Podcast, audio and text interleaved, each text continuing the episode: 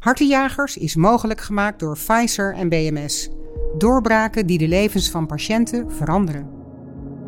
Welkom bij Hartenjagers, een podcastserie over alles wat met het hart en hart- en vaatziekten te maken heeft. Met boeiende gasten die je kennis verbreden. Soms een beetje luchtig, soms diepgaand en altijd interessant. Mijn naam is Carla Schenk en ik ben communicatieprofessional en presentator van de serie Hartenjagers. En dat doe ik samen met Martin Hemels, cardioloog bij het Rijnstatenziekenhuis. Martin, fijn dat je weer hier bent vandaag. Eens gelijks. En samen jagen wij dus naar informatie die met het hart- en vaatstelsel en cardiologie te maken hebben. Vandaag is onze gast Jaap van Soest, huisartsopleider VUMC en kaderarts hart- en vaatziekten. Jaap, welkom. Hartstikke leuk dat je er bent. Ja, dank.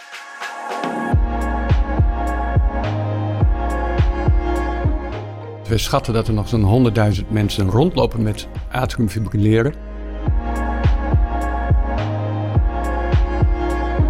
De zorg voor boezemfibrilleren was niet optimaal vijf jaar geleden in de huisartsenpraktijk.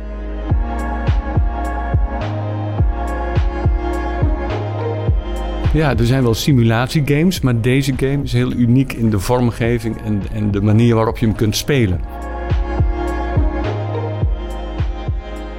Kun jij iets over jezelf vertellen? Wat voor, wat voor soort dokter ben jij? Ik ben Jaap van Soest, ik ben huisarts in Nijverdal. Grote praktijk, huisartsopleider, kaderarts, hart- en vaatziekten en diabetes. Ja, eigenlijk wel een huisarts in hart en nieren. En dat is een beetje vreemd, want ik wilde alles wel worden behalve een huisarts. Want dat leek me toch wel een beetje stoffig bestaan.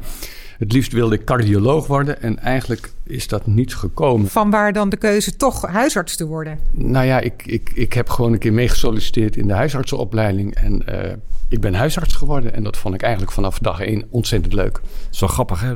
Ik uh, twijfelde ook van wat vind ik nou het leukste. En in mijn top drie stond ook huisartsgeneeskunde.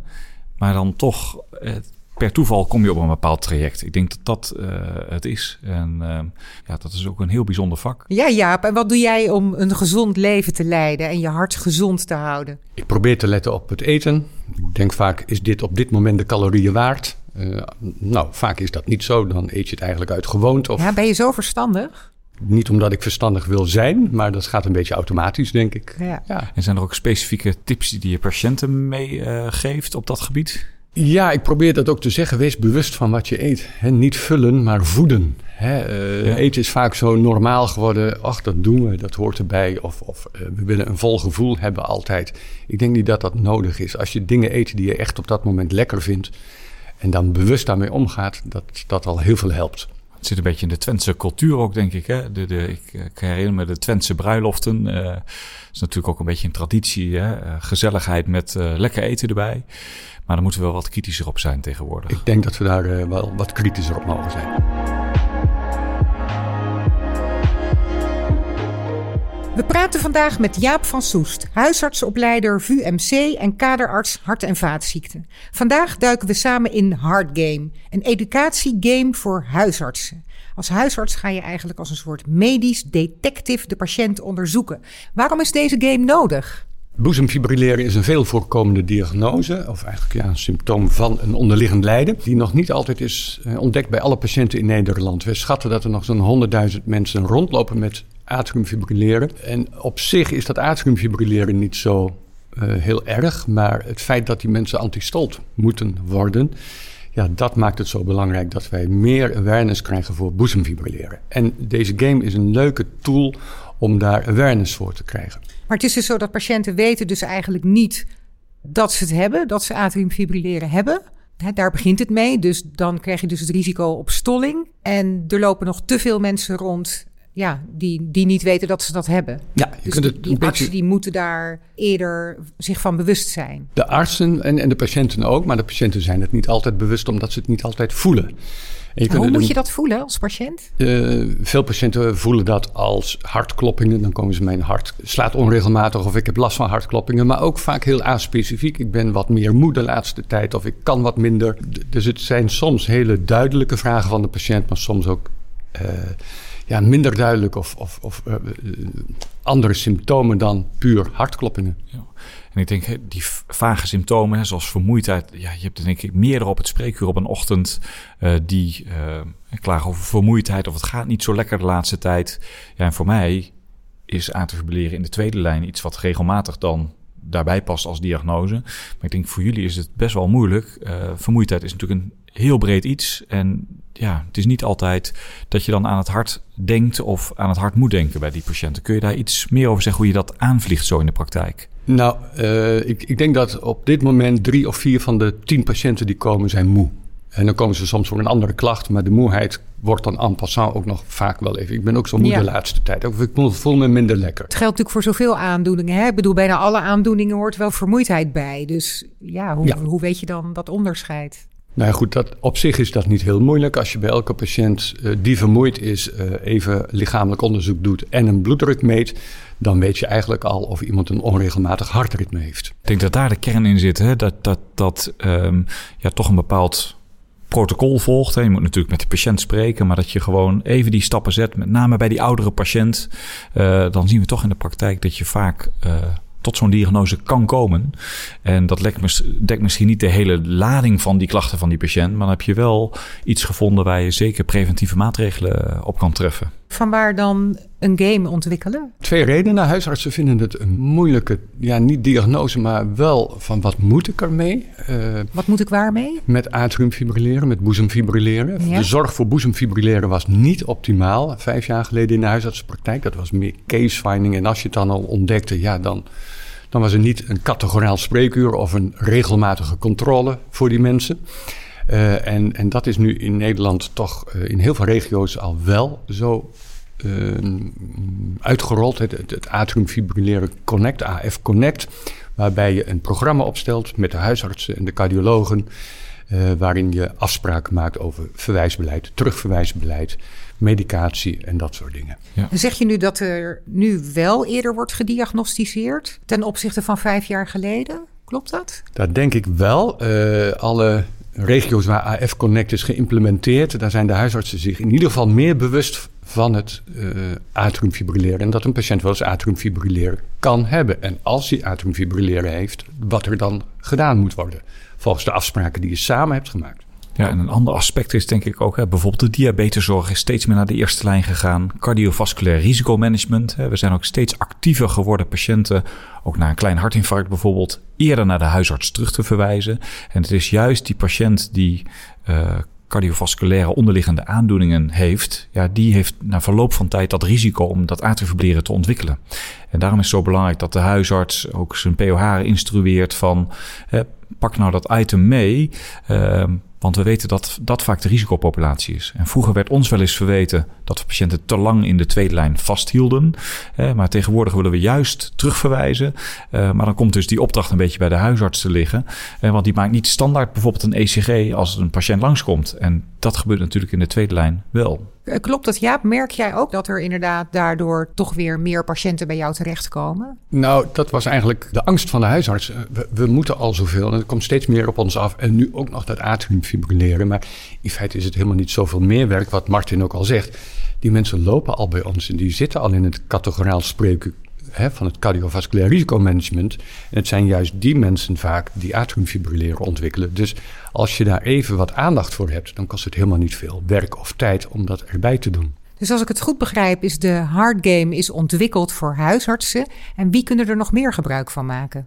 Uh, assistenten uh, in de opleiding uh, of niet in de opleiding. En dat zijn natuurlijk de assistenten in het ziekenhuis, maar ook de huisartsen in de opleiding die er gebruik van kunnen maken. Maar ook de POH'ers die geïnteresseerd zijn in cardiovasculair risicomanagement. Ja, wat is het gemak en het unieke van de hardgame? Het mooie is, die game is on-demand te doen. En ja, als ik naar mijn kinderen kijk, ja, die kijken geen televisie meer. Die, alles gaat on-demand op dat schermpje van de telefoon of de iPad. En zo is het natuurlijk ook in de dagelijkse praktijk van ons. Je hoeft niet naar een nascholing te gaan. Je kunt hem doen wanneer je wilt. Je kunt hem afbreken wanneer je wilt. Dus het is helemaal on-demand op de wens van de gebruiker. We praten vandaag met Jaap van Soest, huisartsopleider VUMC en kaderarts hart- en vaatziekten. We duiken vandaag in de Hard Game, een educatiegame voor huisartsen. Ja, wat zijn de reacties tot nu toe op de game? Uh, die zijn eigenlijk wel zeer positief. De mensen die hem gespeeld hebben, die komen daar uh, eigenlijk spontaan uh, op terug. Van, god, dat is leuk om te doen. Het is ook een attractieve game. We noemen het een game, maar het is natuurlijk een, permanent educatieprogramma eigenlijk. Maar het is in de vorm van een spel gemaakt. En ik denk dat dat zo leuk is, dat veel mensen dat heel positief waarderen daardoor. Je, je, bent zelf de arts die speelt in de game. Je zit in een virtuele ruimte, dat zie je ook letterlijk. Je zit in je spreekkamer. Er komt letterlijk een patiënt binnen. Die ziet eruit alsof die oud is of jong of dat hij moe is. En dat wordt allemaal heel kan je dat, Kan je dat dan kiezen? Of? Ja, er zijn meerdere patiënten al in de game gezet. En je kunt een patiënt kiezen. Uh, en dan moet jij erachter komen waarom deze patiënt komt en wat de diagnose is. En dan hè, uh, gaat het steeds dieper. Wat moet je dan doen? Moet je verwijzen? Moet je medicatie uh, gaan starten? Dus het is echt een leuke game om te doen. Het is eigenlijk alsof je in je spreekkamer zit, alleen dan virtueel. En begin je dan ook met een, met een soort eerste vraag? Ja, de, de patiënt begint te praten en die zegt zijn. Die zegt bijvoorbeeld: Ik ben moe. Ik ben moe. Ja, of, ja, dokter, ik kom omdat mijn. ja, ik ben meer moe dan anders of ik kan minder dan anders. Ik weet niet wat er is. Ik moet ook meer plassen. Mm -hmm. uh, dus, dus het begint heel open en jij moet dan vragen gaan stellen. En dat staat als in de game kun je gewoon kiezen welke vragen je wilt stellen. Het, het leuke is dat je heel veel achtergrondinformatie krijgt. Uh, je kunt steeds dieper en verder gaan. Als je denkt van hé, hey, daar wil ik wat meer over weten, dan kun je dat doorklikken. Dan krijg je veel informatie van de cardioloog of van de medicatie of het te volgen beleid. En zal het bij atrifibrilleren blijven of heb je nog ideeën om, om de game verder uit te breiden? Ja, er zijn ideeën over hè, om die game inderdaad uit te breiden met ook hartruizen, klepgebreken, uh, hartfalen. Ja, je kunt het zo gek niet uh, noemen. Of het kan in die game. Is dit trouwens uniek, uh, uh, Jaap, deze vorm van educatie? Zie jij als, als opleider, werken jullie vaker met dit soort vormen van digitale educatie? nee, dit vorm is, van games? Dit is vrij uniek, moet ik zeggen. Ja, er zijn wel simulatiegames, maar deze game is heel uniek in de vormgeving en, en de manier waarop je hem kunt spelen. Ja. Je krijgt in een hele korte tijd krijg je heel veel informatie en doe je heel veel kennis op, terwijl het ook nog leuk is. En daarbij krijg je ook nog punten. Hè? En dat is ook weer belangrijk. Nou, dat maakt het helemaal spannend natuurlijk. Ja, het is net een echte game. Punten je, winnen. je krijgt punten. Ja. Hè? Dus ja. dat, uh, maar goed, afgezien van de punten, uh, die krijg je niet zomaar. Het is niet zo, sommige programma's kun je gewoon doen en kun je gewoon alles invullen en dan krijg je je punten. Hier moet je echt wel iets in verdiepen. En je krijgt hier echt veel kennis voordat je je punten krijgt. En hoe lang duurt het ongeveer als je dit game gaat Ik spelen? Ik denk dat een patiënt dat is afhankelijk hoe, hoe ver je zelf wilt gaan in die game. Want je nou, kunt alle dat je tot informatie... het gaatje wil. Nou, dan is een patiënt een half uur ben je wel bezig. Als je alle kennis tot je neemt en alle uitgebreide informatie die daarachter zit, die je kunt opvragen, dan ben je wel een half uur bezig. Heb je wel eens geïnformeerd bij huisartsen in opleiding wat ze van deze manier van educatie vinden? Ja, ja, erg, erg leuk. Hè? Want huisartsen in opleiding zijn moderne mensen die alles on demand willen tegenwoordig. Ja. Nee, het doet me een beetje denken aan hè, de opleidingen, probleemgeoriënteerd onderwijs. Hè. Zo ben ik opgeleid ook in Groningen. Dat het meer vanuit de casuïstiek moet. De patiënt in de collegezaal. Ja, we zijn natuurlijk nu 25 jaar verder. En met alle digitale mogelijkheden uh, ja, klinkt het ook wel heel logisch dat we deze stap hebben kunnen zetten. Ik denk dat het heel goed past in de, in de gedigitaliseerde wereld van dit moment. Uh, huisartsen in de opleiding hoeven bijvoorbeeld niet meer alle standaarden uit hun hoofd te leren. Ze moeten weten waar ze de kennis kunnen vinden. Want de kennis is overal toegankelijk natuurlijk. Je zit achter je bureau, je hebt je iPad, je hebt je telefoon. Dus overal kun jij je kennis vinden. En het gaat meer om dat je weet waar je de kunst kunt vinden, dan dat je het uit je hoofd weet tegenwoordig. Word je dan nog wel goed genoeg opgeleid als, uh, als arts? Ja, dat is zo gevaarlijk om te zeggen. Ik ben wat ouder, ik ben 58 en vroeger was natuurlijk altijd alles beter. Hè? Dat zijn we geneigd. Maar de toekomst, ja, de jeugd heeft de toekomst en de jeugd heeft altijd gelijk. En, en de wereld draait door. Uh, kennisvergaring gaat op een totaal andere manier dan vroeger. Wij moesten allemaal rijtjes leren. Als ik naar mijn kinderen kijk, die middelbaar en, en voortgezet onderwijs doen, die doen dat op dezelfde manier. Hè, probleemgericht, uh, on-demand. Uh, kennis die kun je overal vergaren, maar het gaat erom dat je de goede kennis ja. vergaart. Ik denk dat jij in de praktijk vaak de ouderen hebt die niet één aandoening hebben, maar wel, wel vier of vijf. Hè? Dus, dus ja, hoe, hoe leid je dan iemand op in een huisartsopleiding.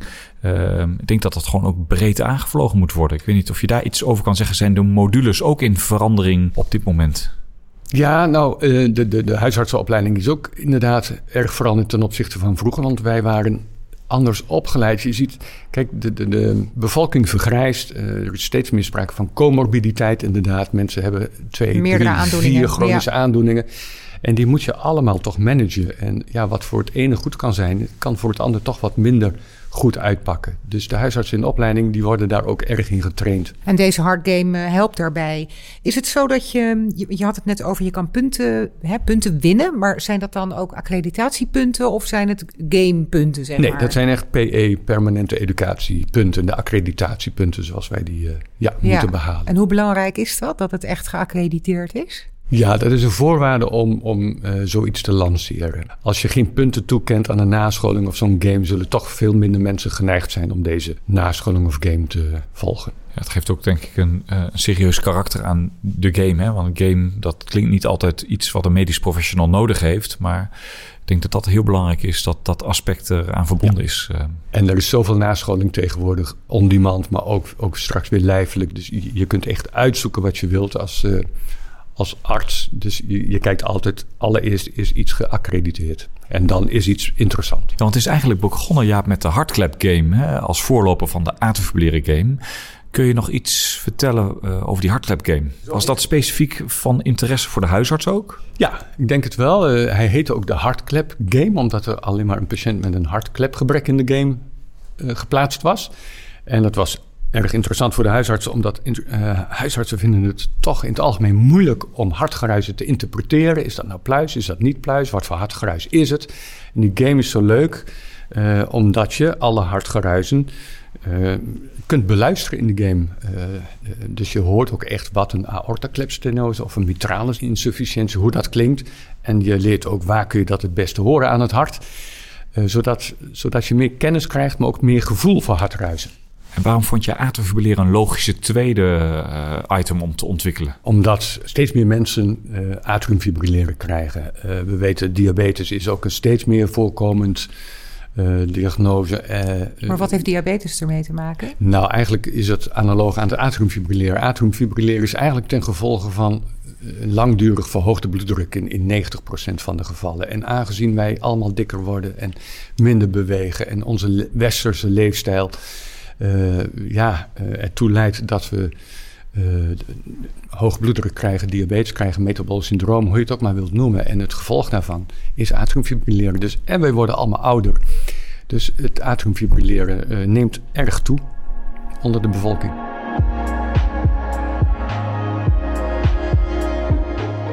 We praten vandaag met Jaap van Soest, huisartsopleider VUMC en kaderarts hart- en vaatziekten. We hebben het vandaag over de Hartgame, een super interessant en spannende game om hartritmestoornissen te ontdekken of te diagnosticeren bij patiënten. Jaap, wordt de game in de toekomst uitgebreid? Ja, de game uh, wordt uitgebreid. Uh, en wij denken bijvoorbeeld aan uh, een patiënt met hartfalen. Waarom is dat belangrijk? Het is een moeilijk begrip voor huisartsen ook moeilijk om te diagnosticeren, maar ook om te behandelen. En hartfalen komt immers ook steeds vaker voor. De populatie vergrijst, eh, dus het hartfalen gaat meer voorkomen. Uh, hartfalen is ook vaak het gevolg van een chronische ziekte, bijvoorbeeld atriumfibrilleren of diabetes. Dus hartfalen komt vaker voor.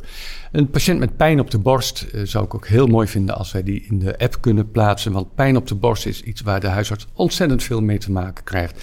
9 van de 10 patiënten met pijn op de borst is niet cardiaal, maar heeft een andere reden. Dus om zo'n patiënt in die game te zetten zou fantastisch leerzaam zijn voor de huisarts. Denk je ook dat het echt ertoe zal leiden dat een huisarts beter het onderscheid kan maken? Uh, deze patiënt moet toch naar de tweede lijn of deze kan ik zelf wel in de eerste lijn behandelen? Ja, ik denk dat de potentie daar wel in, in die game zit. Dat, dat je daar meer gevoel voor krijgt en meer vertrouwen erin krijgt als je die game speelt. Ben je niet bang als je hebt het zo enthousiast over al die games die we moeten ontwikkelen? Daar straks hebben we allemaal uh, jonge huisartsen die gameverslaat zijn. Uh, hoe zie jij dat? Het past helemaal in deze tijd. Als ik weer naar mijn kinderen kijk, eigenlijk alle kennis komt tot hun via, via apps of via, in ieder geval via het scherm. Dus ik denk dat het heel goed past in deze tijd en dat, dat de ouderwetse nascholingen van lijfelijk aanwezig zijn, dat zal altijd blijven. Maar ik denk dat dit een hele mooie toegevoegde manier van nascholen is. Ik heb een zoon van 15 en die vroeg van... Goh, kan je hem straks ook met een eh, VR-bril opspelen? Dat zou heel mooi zijn. Het is nu al behoorlijk virtueel, vind ik, de game. Uh, of, of dan VR toegevoegde waarde heeft, ja zeker, denk ik. Maar daar zit wel een hele forse techniek achter. Ik weet niet of de game... Uh, in eerste instantie zullen we proberen meer type patiënten erin te plaatsen. En nou ja, als die VR eh, erin gebouwd kan worden, zou fantastisch zijn. Ja, hoe ziet wat jou betreft de ideale wereld eruit op het gebied van opleiden? Ik denk dat het een, een hybride vorm gaat worden. Dat is een heel modern begrip tegenwoordig. In de coronatijd, alles is hybride tegenwoordig. Deels uh, on-demand en via video of via het schermpje. Maar deels ook lijfelijk. Ik denk dat het lijfelijk na scholen heel belangrijk ook blijft. Dat je contact met de zaal hebt. Je verliest toch een, een, een laag als je alleen maar bijvoorbeeld games gaat uitbrengen als op uh, als nascholing. Maar het is wel een hele mooie toegevoegde manier van nascholen. Adviseren jullie ook huisartsen in opleiding om uh, de patiënt meer te dwingen of te adviseren om zichzelf over aandoeningen na te scholen? Of geven jullie foldermateriaal mee? Uh, hoe zijn die ontwikkelingen in de huisartsenpraktijk? Wij werken heel persoonsgericht. Dat doe je natuurlijk altijd als huisarts. Maar we zijn heel erg bezig om de patiënt zelf verantwoordelijk te maken voor ook de vragen die ze gaan stellen. Dus bij het ene consult geven we vaak al uh, het advies mee om bij het volgende consult zelf met een vraag te komen waar de patiënt het over wil hebben in het kader van zijn aandoening. Dat maakt het wel efficiënt, hè? En ik denk dan krijg je ook eerder naar boven waar die patiënt zich echt zorgen om maakt. Zeker als huisarts gaat het niet om de ziekte, maar om de zieke. Wat ervaart de zieke van zijn ziekte? En als huisarts of als uh, specialist wil je graag de ziekte oplossen, maar dat is niet eens altijd de vraag van de patiënt. Soms kan de vraag zijn: hoe moet ik ermee leren omgaan? In plaats van hoe lossen we die ziekte op? En ik denk dat dat altijd het belangrijkste blijft. Wat is de vraag achter de vraag van de patiënt? Hiermee zijn we aan het einde gekomen van onze podcast Hartenjagers. Ja, vandaag ging die over de Hartgame. Uh, ja, bedankt voor je aanwezigheid en inspirerende verhaal. Dankjewel. Uh, ik hoop dat mensen uh, nieuwsgierig zijn geworden naar de game. Hij is te downloaden in de Apple Store of de Google Play Store. En als je dan op Hardgame zoekt, dan komt hij vanzelf tevoorschijn. Je kunt hem downloaden en je kunt hem direct spelen. En ik wens de mensen veel plezier bij het spelen daarvan. Dankjewel Hugo voor de techniek en luisteraars, dank voor het luisteren. Heb jij, net als wij, honger naar kennis? Volg dan onze jacht naar antwoorden die helpen om hart- en vaatproblemen te voorkomen en beter te behandelen. Kijk voor meer informatie op www.beroertepreventie.nl. Tot, Tot de volgende keer. keer. Hartenjagers is mogelijk gemaakt door Pfizer en BMS. Doorbraken die de levens van patiënten veranderen.